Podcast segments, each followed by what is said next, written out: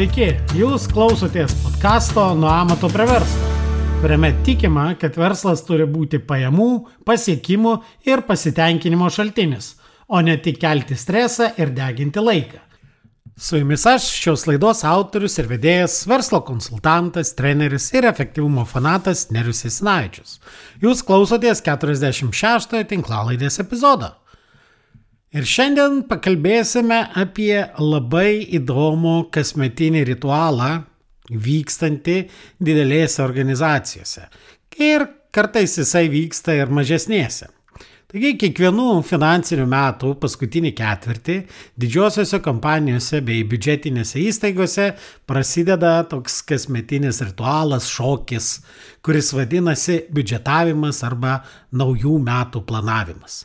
Šio kasmetinio ritualo metu draugai gali tapti priešais, o priešai draugais. Labai daug energijos išeikvojama kovojant už pardavimų bei išlaidų planus. Aukščiausio lygio vadovai aišku nori, kad darbuotojai įsipareigotų padaryti didesnius pardavimus ir e, užtikrintų mažesnės išlaidas. O vykdytojai, kurie turės tuos planus vykdyti, natūralu, kad nori priešingai, kuo mažesnių nustatytų pardavimo planų ir kuo didesnių išlaidų planų. Visi turi savų argumentų, pasiteisinimų, prognozių.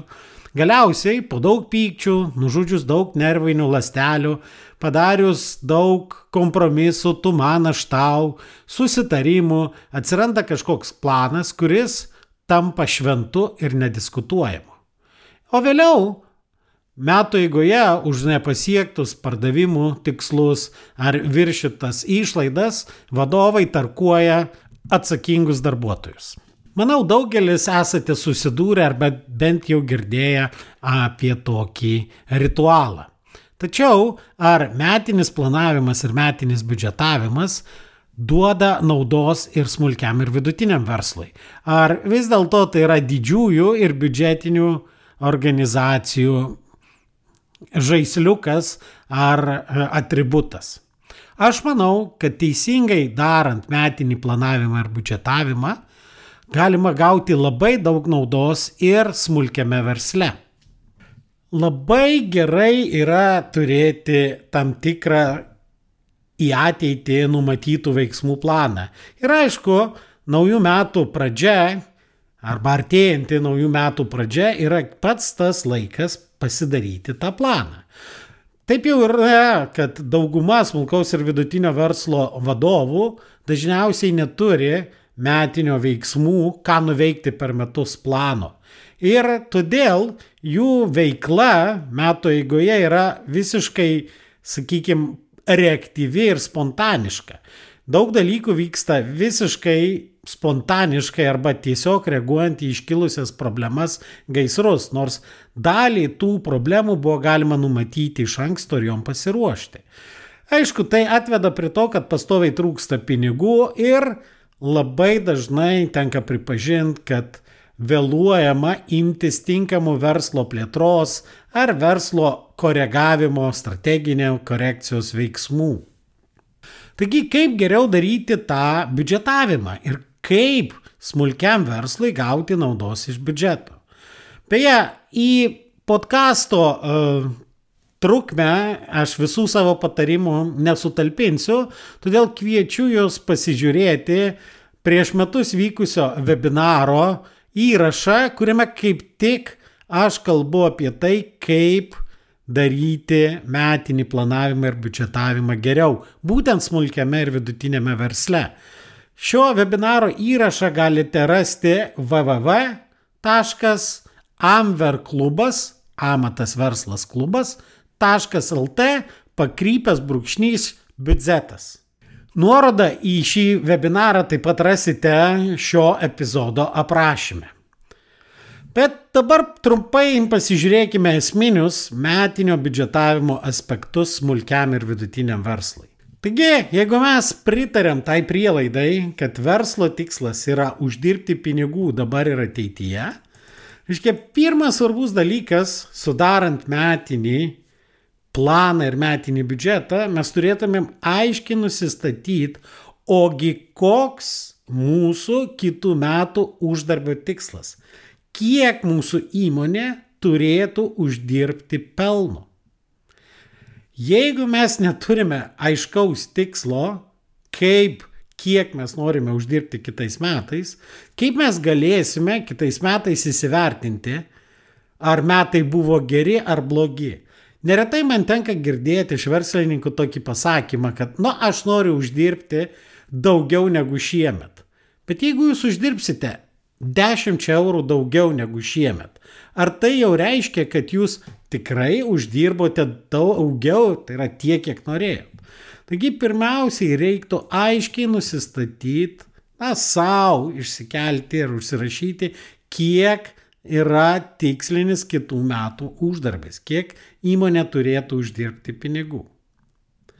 Aišku, įprastinėse, didžia, e, įprastai didelėse įmonėse biudžetavimas vyksta labai paprastai. Imam istorinius duomenis praėjusių dabartinių metų, taip pat susirenkam įvairią išorinės aplinkos informaciją, pavyzdžiui, ekonomistų prognozes, kurios kitie metam labai neoptimistinės. Taip pat iš pardavėjų susirenkam kažkokią informaciją.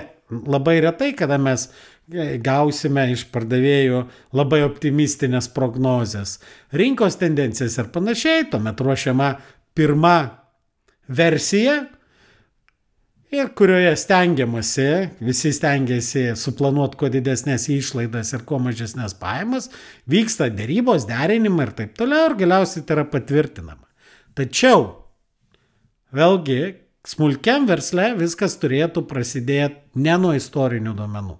Pirmiausiai turėtų prasidėti nuo tikslo įsivardinimo. Kodėl labai svarbu žinot aiškiai tikslą? Nes tikslas tai ir yra ta priemonė įsivertinti, ar mes darom tai, ką reikia. Reiškia, metų eigoje įmonės vadovas ir savininkas visada galės savo užsiduoti klausimą, ar aš nieko nepamiršau ir ar aš darau, šiuo metu darau tai, kas mane artina prie mano tikslų. Aišku, sudarinėdami biudžetą, mes turime nepamiršti, kad e, ateitis yra pakankamai neapibriešta. Ir jeigu mes viską labai detaliai suplanuosim, mūsų laukia labai daug nemalonių surprizų, nes neapibrieštumas ateityje yra labai didelis. Taip, tačiau biudžetas neturi būti atskaitos e, taškas įsivertinti, ar mes gerai dirbam ar ne. Tikslo pasiekimai taip. Tačiau Mes turim nepamiršti, kad biudžetavimas, darydami metinį biudžetą smulkiam ir vidutiniam versle, mes turime ne tik tai nusimatyti finansinius tikslus, bet ir nusimatyti veiksmus, labai konkrečius veiksmus, kuriuos planuojame padaryti tam, kad pasiekti planuojamus metinius tikslus. Taigi, biudžetavimo procesas smulkiam ir vidutiniam versle biudžetavimo procesas turėtų būti ne tik tai apie išlaidų kontrolę, ne tik tai apie tai, kiek mes uždirbsim, bet ir ką mes turime padaryti tam, kad pasiekti ne tik šių metų tikslus, bet kad įgyvendinti tam tikrus reikalingus strateginius pokyčius. Štai projektų valdyme biudžetas apibrėžiamas kaip įrankis, kuris atlieka iš esmės dvi funkcijas. Pirmiausiai tai yra išlaidų kontrolės įrankis. Na, me, e, įmonės biudžetas tai yra išlaidų ir pajamų vertinimo ir kontrolės įrankis. Bet taip pat tai yra kiekybinė apibriešto laikotarpio veiksmų plano dalis. Būtent mes turime nusimatyti metinius veiksmus ir su jais susijęti savo planuojamas tiek išlaidas, tiek pajamas. Taigi biudžetavimas prasideda nuo pabaigos, tai yra nuo norimo pelno. Toliau mes galime pasiimti šių metų istorinius duomenis, šių metų visas veiklos išlaidas, fiksuotas išlaidas ir labai aiškiai galime įsivertinti, o kokią tą maržą arba pribojimo e, teorijos terminais vadinamą pralaidumą mes turime uždirbti. Tam, kad turėti tokį pelną. Kai įsivertinam, koks pralaidumas turėtų būti, tada mes jau galime nusistatyti, o kokie produktai ar paslaugos ar projektai turės būti suteikti, parduoti klientam, kad mes uždirbtume, sugeneruotume tokį pralaidumą.